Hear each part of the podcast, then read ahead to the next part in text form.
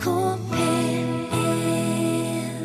Robbie Williams og Nicole Kidman klippa snora til Mellom himmel og jord i dag. Og dagen, den heter 29. november. Eller skulle vi kanskje si første søndag i adventstida?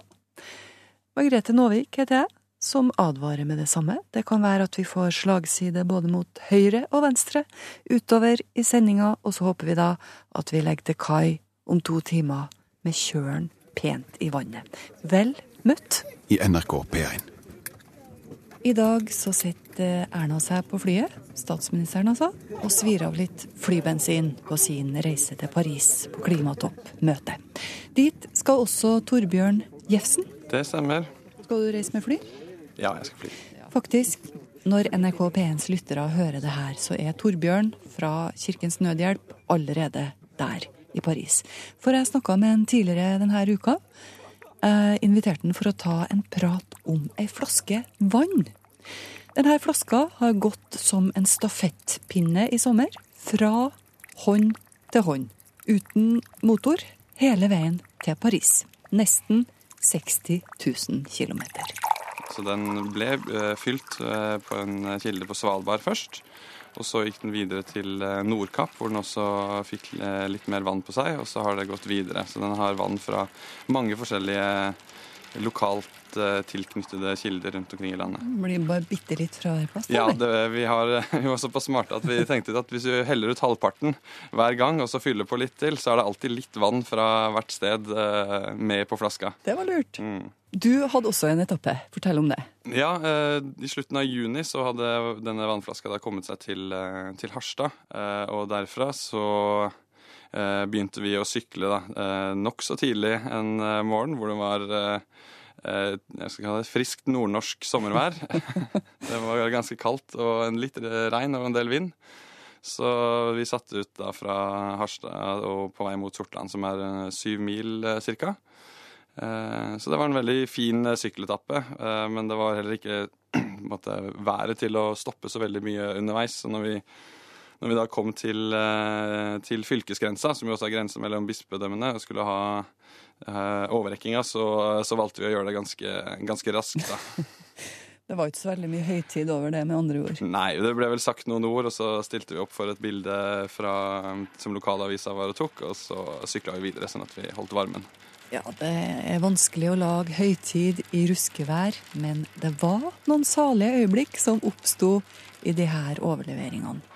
Pilegrim Hege Salvesen Blix, som for øvrig er oldebarnet til Elias Blix, hun var helt uvitende om det her prosjektet da hun sist var i Trøndelag. Det er sommer, og det er sol, og Hege pilegrimsvandrer av gårde. Så ser hun en kjent figur kom trillende på hjul. Der kom altså biskopen syklende. Og han kom syklende fra jeg tror han kom fra Stjør- Stjørdal. Og der hadde han med seg en flaske med vann. Og den, dette vannet det kommer fra Svalbard. Og så er det meningen at dette vannet skal fraktes til fots eller, eller med sykkel, altså uten motorisert, til, eh, til Paris. For meg var det kjempeflott. Veldig spesielt, for jeg er veldig opptatt av, av klima. Og, så det syns jeg var stort. Det ga et stort pluss da, til hele, til hele vandringen. Du høres nesten litt rørt ut. jeg, jeg, var, jeg var nesten litt rørt. Var, og så fikk, vi, så fikk vi da lov til å, å, å dele på å bære det. Så vi delte da med en høytidelig overrekkelse. Det var nesten sånn litt avgudlignende, men det var, det var ikke det, da.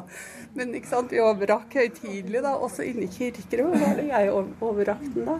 Inne i klosterruinene på Mun- Munkeby. De gamle, der fikk jeg den. Fantastisk sol på en morgenstund. Det var helt utrolig.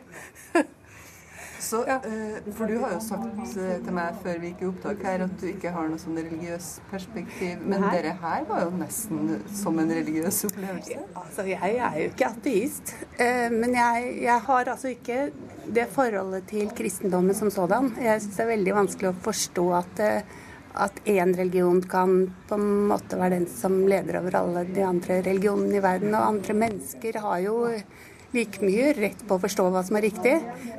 Jeg forstår det ikke. Eh, Men, eh, Det var veldig fint, da. Det var en fin opplevelse.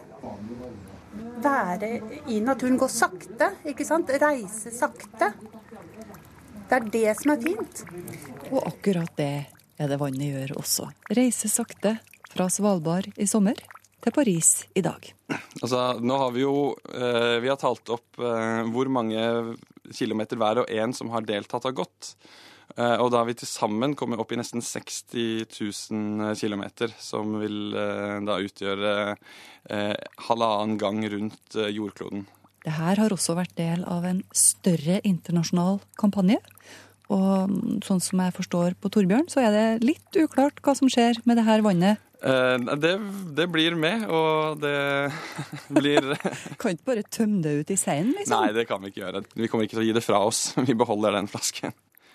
Et viktig aspekt ved å bruke vann som eh, symbol er egentlig å, fortelle hvordan, hvordan, klimaendringene vil ramme oss. At uh, det vil i stor grad skje gjennom, uh, gjennom vann. At det blir eh, for mye vann til tider eller for lite vann. Når du tenker på hvor viktig vann er for livet på jorda og for vår eksistens, så tenker jeg at det er et ganske kraftfullt symbol. Kampanjen har samla inn halvannen million underskrifter som ble overlevert FNs klimapanel i går. Men ei flaske vann og halvannen million underskrifter og mange flyreiser til Paris. Blir det her bare et symbol? Mobiliseringen? Eller vil det få en effekt på klima? Det tror jeg absolutt. Vi er jo langt fra de eneste som sagt, som har mobilisert. Og jeg tror nok både norske myndigheter og ledere over hele verden føler et sterkere press eh, enn noensinne på å levere en eh, skikkelig klimaavtale i Paris. Det kan man se nå at engasjementet eh, for dette her er eh, sterkere og forhåpentligvis mer ektefølt hos eh, verdens ledere enn det det har vært tidligere. Så jeg eh, vil absolutt si at dette virker. Men altså, du er da rådgiver for politiske kampanjer i Kirkens Nødhjelp? Ja, det kan du fint si og spiller for Akerselva fotballklubb. Ja, det gjør jeg også. Vi spiller i åttende divisjon, så det er eh, ja. God tur til Paris, Torbjørn Jefsen. Tusen takk for det. NRK P1. Hun er landets første ikke-troende som er ansatt som samtalepartner i en prestetjeneste i helsesektoren. Sjøl så regner hun seg som stillasearbeider. Forklaring følge. Vi skal møte Katrine Bang-Hellum, som i høst fikk denne jobben ved St. Olavs hospital i Trondheim. Vi har uh, Sjefen sitter her inne. Ypperstepresten, som vi kaller ham litt sånn hus, husfaglig. Ja. Han er bare ypperlig. Ja. Latteren sitter løst under den mørke luggen til Katrine Bang-Hellum og kollegene hennes på kontoret til prestetjenesten ved St. Olavs hospital. Etter mange år som sykepleier ved samme sykehus, ble Katrine i høst fast ansatt som samtalepartner for pasienter og pårørende som trenger noen å snakke med. En rolle som stort sett har vært fylt av prester, men rollen er i endring. Um, fra mitt perspektiv så handler den veldig ofte veldig lite om tro. Den handler om det mennesket jeg Eh, får muligheten til å møte. Jobben den handler om å treffe mennesker i en sårbar livssituasjon. Et sted i livet hvor, hvor, grunnmuren er i ferd med å smuldre opp under dem i møte med alvorlig sykdom eh, eller også død. Um, og jeg bruker å si litt at jobben min handler litt om å være en stillasarbeider. Jeg skal være en av de mange menneskene som jobber med å holde oppe det byggverket av et liv du som pasient har, til vi får stabla på plass grunnmuren din igjen. Så enkelt fortalt, jeg driver med stillasarbeid. Da fembarnsmoren fikk stillingen som profesjonell livssynsnøytral samtalepartner i høst, gjorde sykehuset seg samtidig stolt skyldig i et stykke nybrottsarbeid. Nå har Katrine akkurat kommet hjem fra en nasjonal helseprestkonferanse for å lære mer om sjelesørgefunksjonen. For det er ikke så mange ikke-religiøse å hente erfaringer fra. Den største utfordringen er vel det at jeg er eh, den eneste, eh, både her på St. Olav, men også i Norge, som er ansatt i en prestetjeneste, eller da i offentlig institusjon, eh, på et ikke-troende grunnlag. Så jeg vil med glede ta imot eventuelle kollegaer som måtte komme til etter hvert. Én ting er nå her i Trondheim, men også ellers i landet. Og samarbeid på tvers tenker jeg er viktig når man jobber i et så snevert fagområde som det både jeg og prestene for øvrig her også gjør. Ja, men du, Er det du som er eh, Øyvind? Det er sjefen for prestetjenesten, Øyvind Taraldseth Sørensen, som kommer inn døren med kaffekanne i den ene hånden og kopp i den andre. Men det er jo med det samme du går her nå og skjenker kaffe, så bare lurer jeg på en liten ting. Hvorfor ansatte du Katrine? Eh, nei, det er mange grunner til det.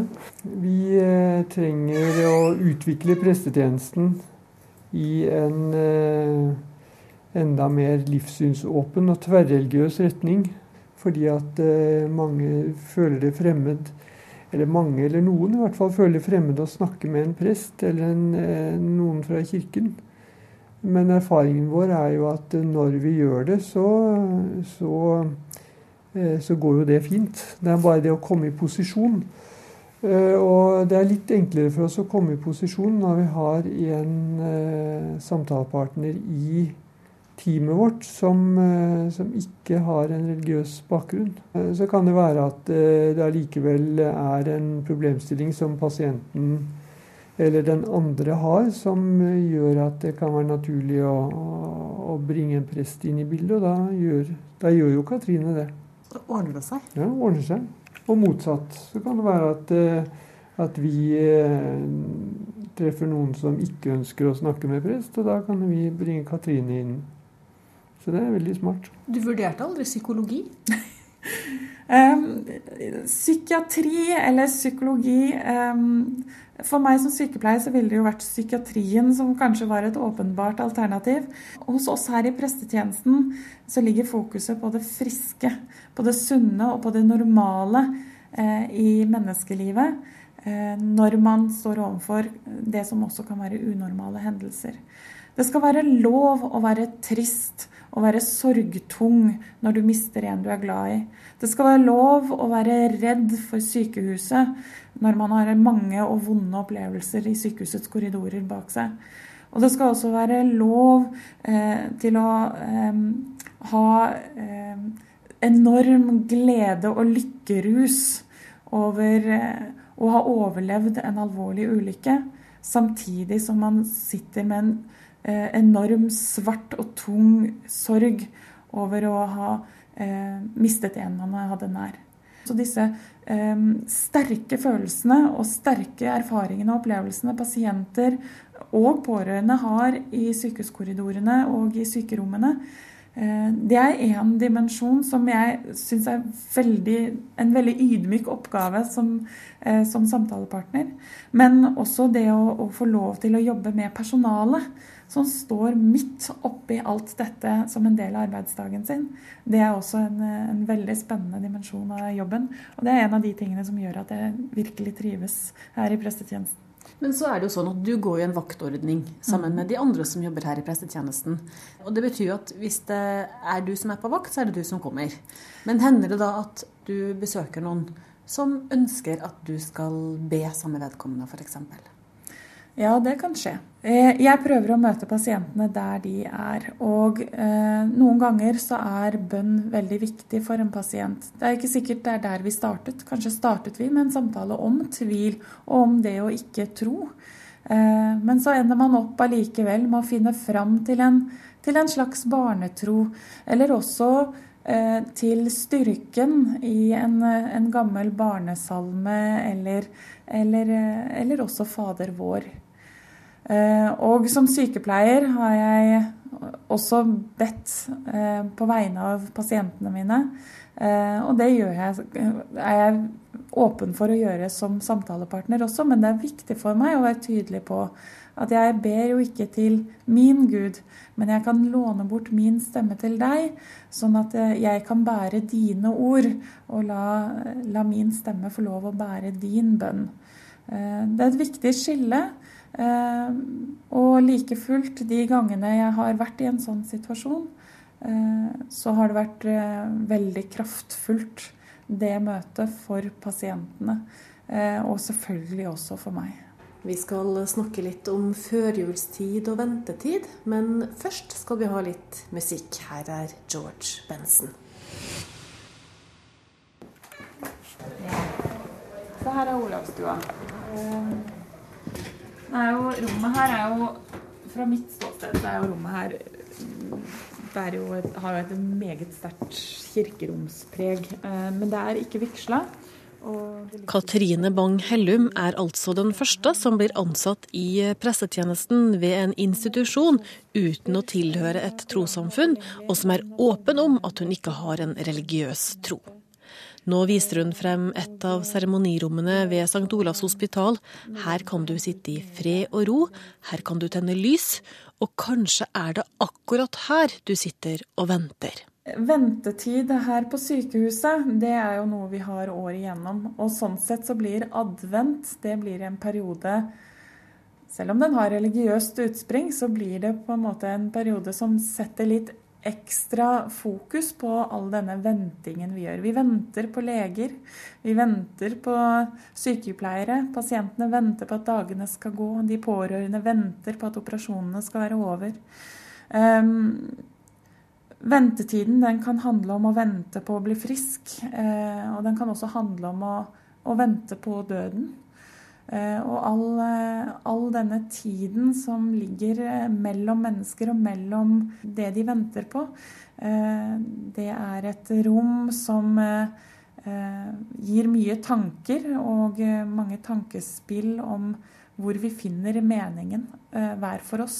Du er altså samtalepartner ved prestetjenesten ikke-religiøs sådan. Prestetjenesten tar jo også tak i advent eh, i sin rolle og i sin funksjon. Eh, hvordan skal du bidra der? Jeg bidrar med, med, mitt perspektiv og mitt ståsted. Og det er jo naturlig at jeg da også bidrar med kanskje et mer sekulært eller ikke-religiøst perspektiv på, på, julen. Nå er jo jul i seg selv en, en kristen tradisjon. Men eh, vi må vel også erkjenne at i det moderne Norge så jul, eh, har jul vel så mye sekulære, eh, sekulære dimensjoner som det det handler om de, de, religiøse opplevelsene. Og det er jo der jeg kommer inn og supplerer kanskje med noen tanker om høytiden som ikke nødvendigvis handler om julens kristelige eller religiøse budskap, men som handler om ja, om ventetid, om tålmodighet. Det kan handle om, eh, om glede og, og, det å lengte. Og det kan også handle om, eh, eh, om det å se nye muligheter, og se, ikke minst også se inn imot det nye året som kommer, og, og fremtiden. Hva, hva, forbinder du med, med adventstiden? Adventstid handler om ventetid. Du venter på noe stort, noe spennende, noe som har mening og innhold for deg. Eh, for barna mine så handler det nok om berget med pakker under juletreet på julaften. Eh, for meg så handler det vel eh, like mye om å vente på fritiden og på samværet med familie. Samværet og også en liten sånn personlig glede over å kunne spise grovbrød til kveldsmat på julaften etter alt det der andre fete og søte og herlige. Men før Katrine og de andre kan slappe av etter julematen, krever også adventstiden sitt fra de ansatte ved prestetjenesten. Mens kollegene finner de riktige bibelversene og salmene til adventsstundene på sykehuset frem mot jul, prøver Katrine i stedet å finne musikk uten det religiøse innholdet til slike stunder.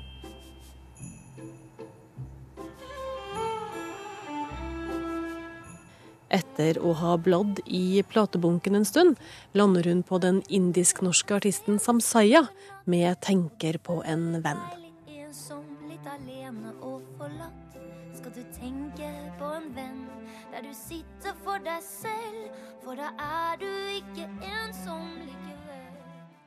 For den sier noe om denne ventetiden, om eh, det å lengte etter nærheten og samværet og den gode, trygge relasjonen man har med en god venn. Og jeg håper at alle eh, i dette landet og i verden for øvrig må få lov til å oppleve den godheten det er å møte en venn eh, i tiden som kommer. NRK Hallo, Siri. Hei, Margrethe. Det er bare meg. Er det bare deg i dag? Ja. Å, det var ikke mye, tenker jeg. Nei. Nei. Å, Guri meg. Ja, for vi skal Ja. snakke om det. Ja. Og liksom framstille seg sjøl som noe bare. Noe bare, lite. noe lite. Ja.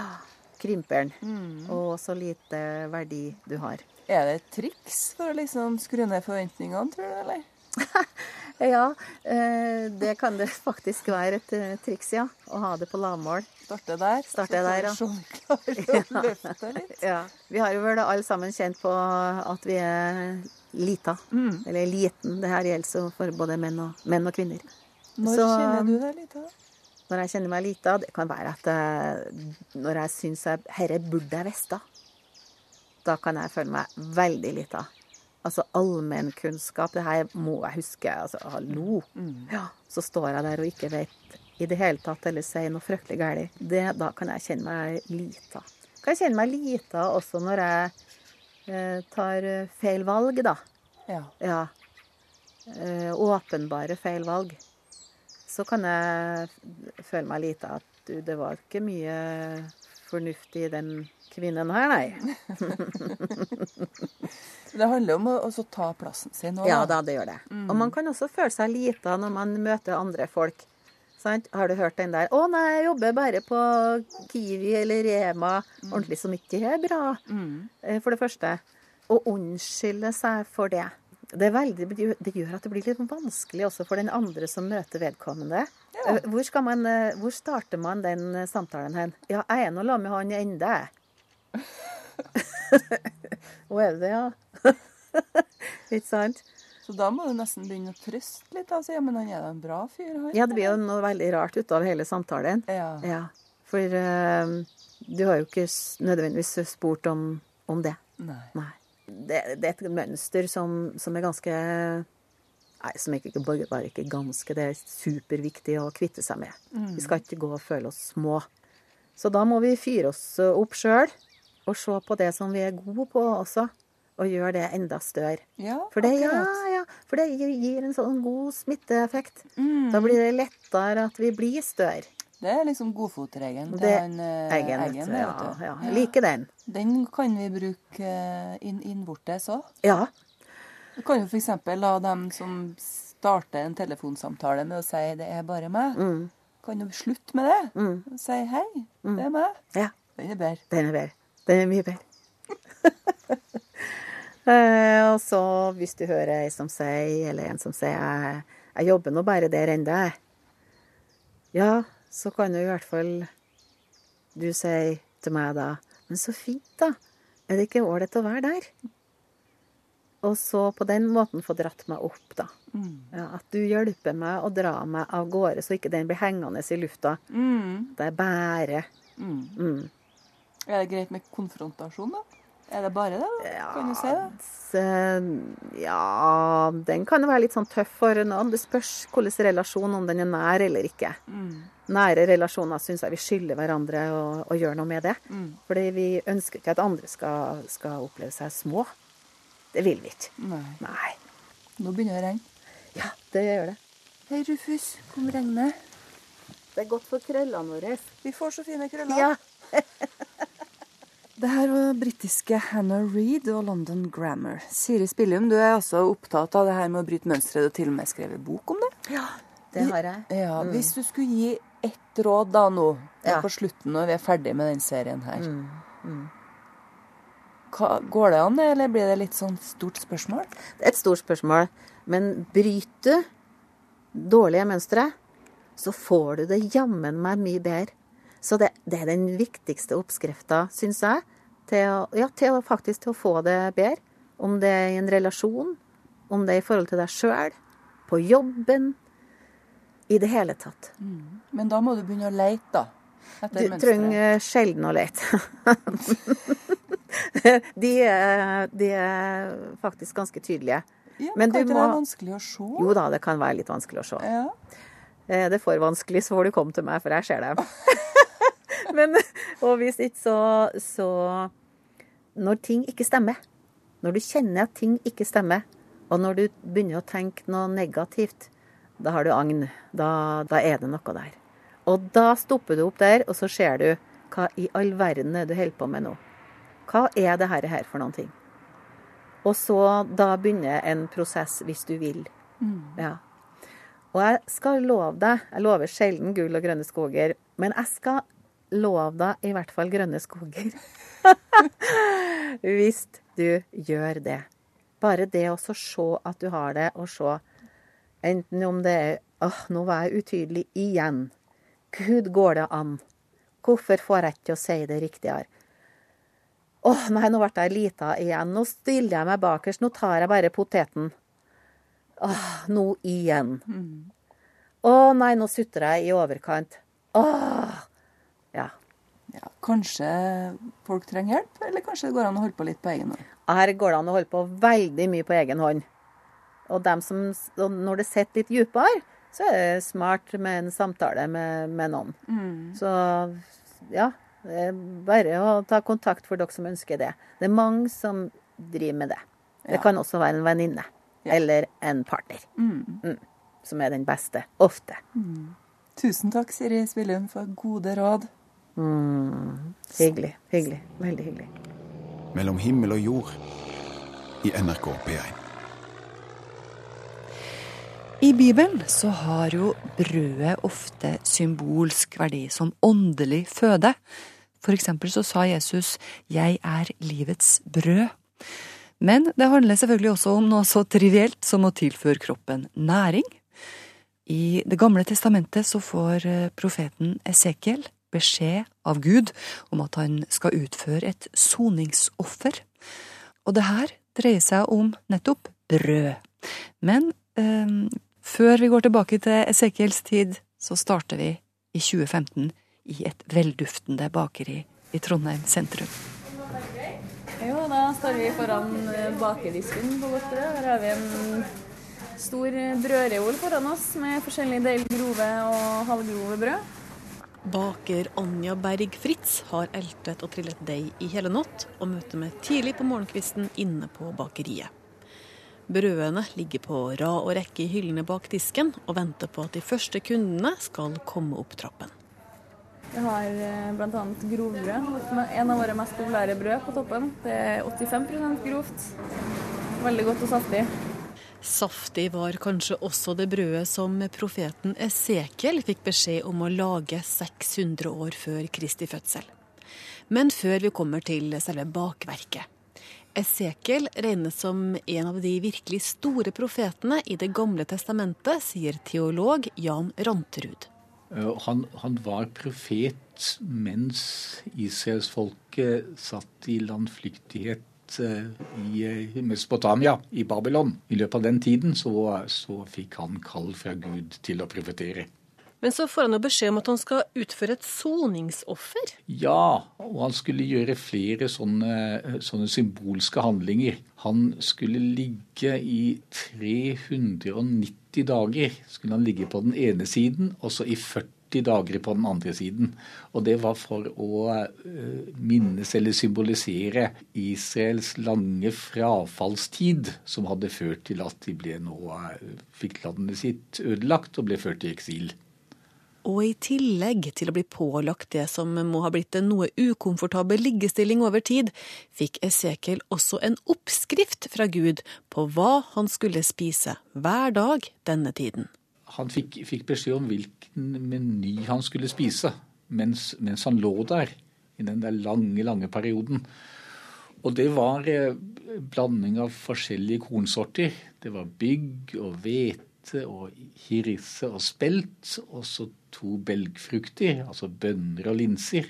Og dette skulle han blande sammen og lage seg mat av. På bakeriet er Anja Berg Fritz overbevist om at ingrediensene Gud la frem for profeten, har potensial til å bli et velsmakende bakverk. Eh, spelt, byggmel, linser, bønner, hirse og vann. Er det ting du kunne ha fått til å lage et eh, godt brød av? Eh, altså, vi bruker jo de fleste av de der ingrediensene i brød fra før her. Bortsett fra linser og bunner. Men jeg tror hvis du hadde brukt linser bunna, det, altså det skal jo bløtlegges før du kan bruke det i en bakst eller i en matlaging uansett.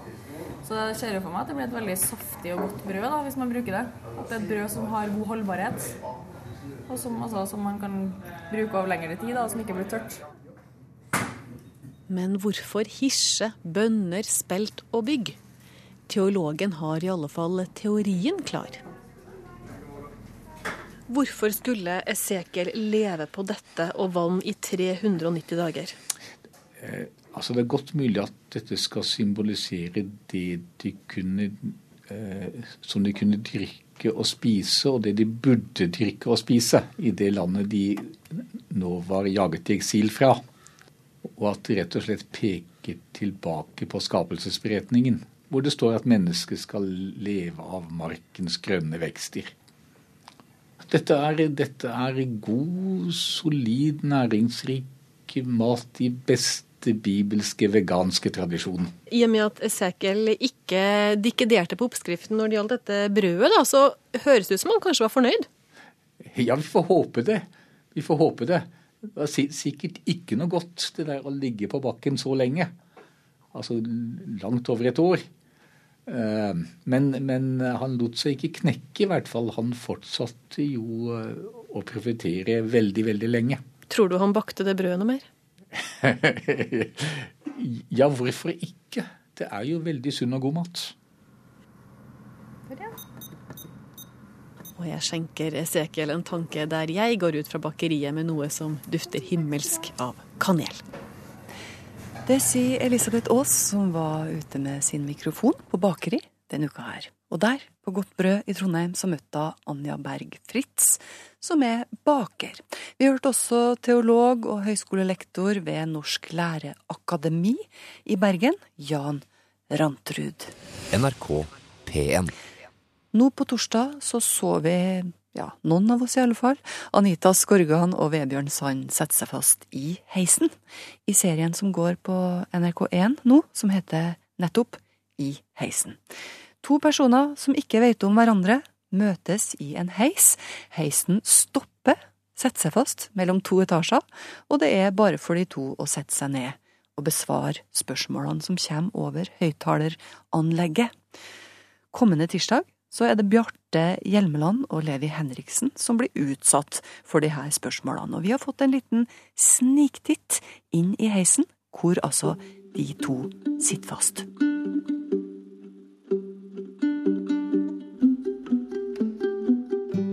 Første spørsmål. Hvilket forhold har dere til musikk? Musikk er jo gøy å spørre oss om, da. Ja, ikke sant? jeg vokste jo opp i, i et pinsevennmiljø, og, og, da var jo dette med musikk veldig viktig. Og, men ikke rockemusikk.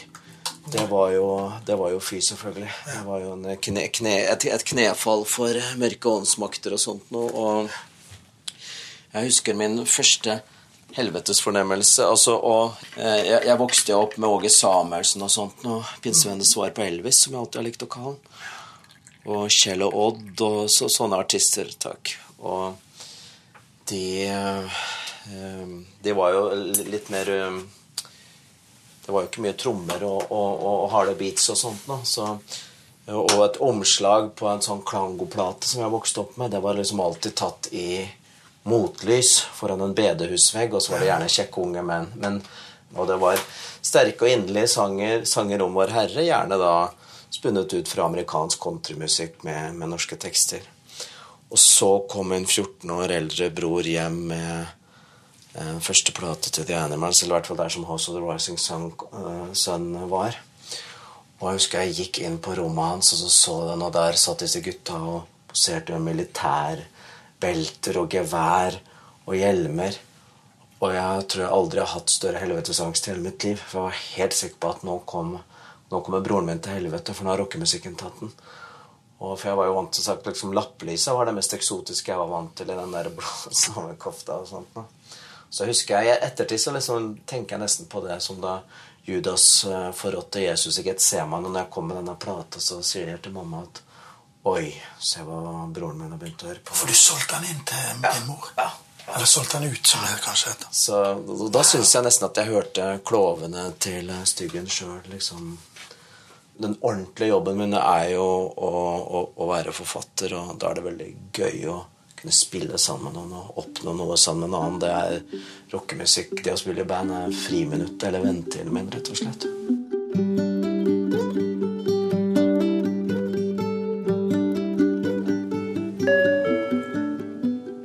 Kan du fortelle om ditt største religiøse øyeblikk? Jeg har ingen eh, voldsom eh, sterk engangsopplevelse. Jeg har ikke en sånn eh, veldig klar eh, vekkelsesøyeblikk eller noe sånt.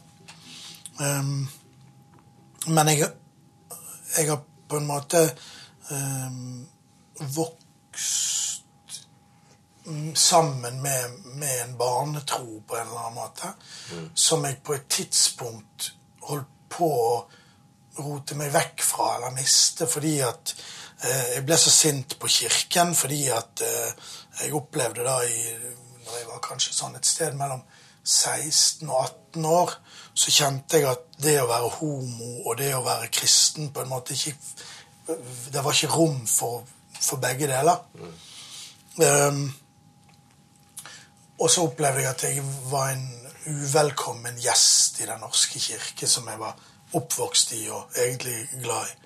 Og så, og så fjernet jeg meg fra kirken, og dermed også fra troen i, i en god del år. Mm. Um, inntil jeg via noen tilfeldigheter um, begynte å tenke at, at, kirken, det var jo politikk. Uh, og at jeg ikke skulle la den politikken få lov til å stå i veien for mitt forhold til Gud, på en måte. Um, og da, da gjorde det, det, å, det, å, løse de to tingene fra hverandre, det gjorde det på en måte mye lettere for meg å, å kunne finne og begynne å nøste tilbake i barnetroen.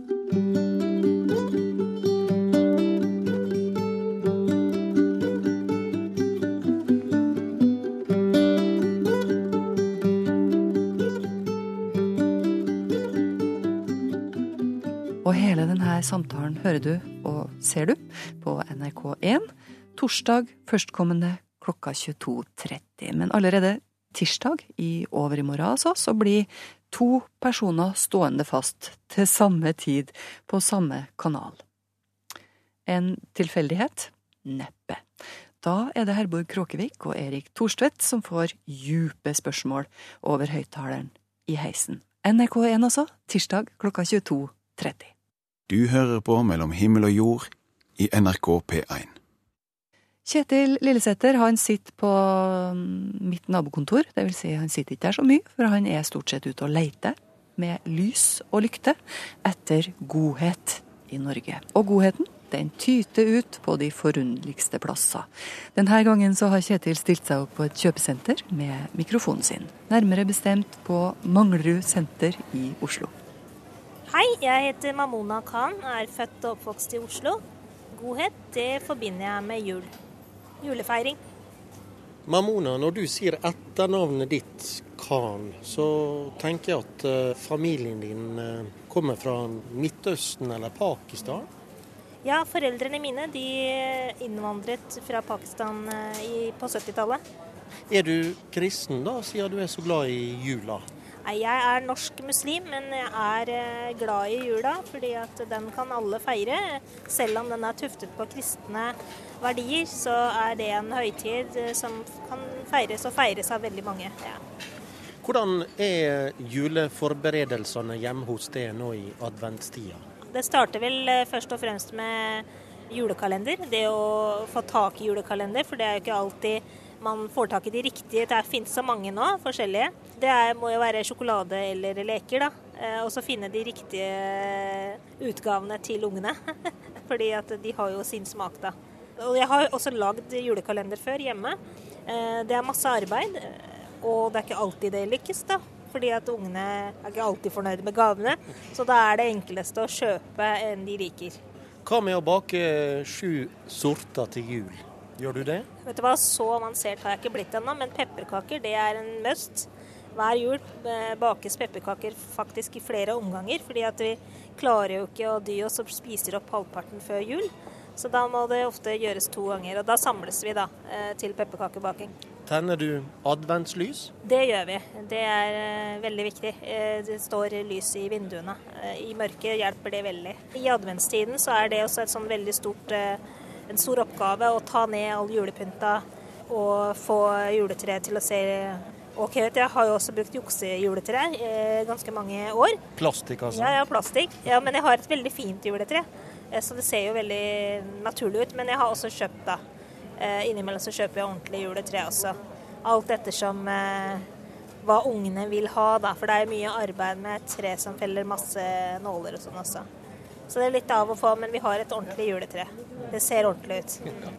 Hvordan er selve julekvelden da, hjemme hos deg? Da inviterer ofte jeg hele familien hjem til meg, og da er det et stort selskap. Vi er ofte 18-19 stykker. Vi har blitt en stor familie etter hvert, med barn. Hva står på middagsbordet?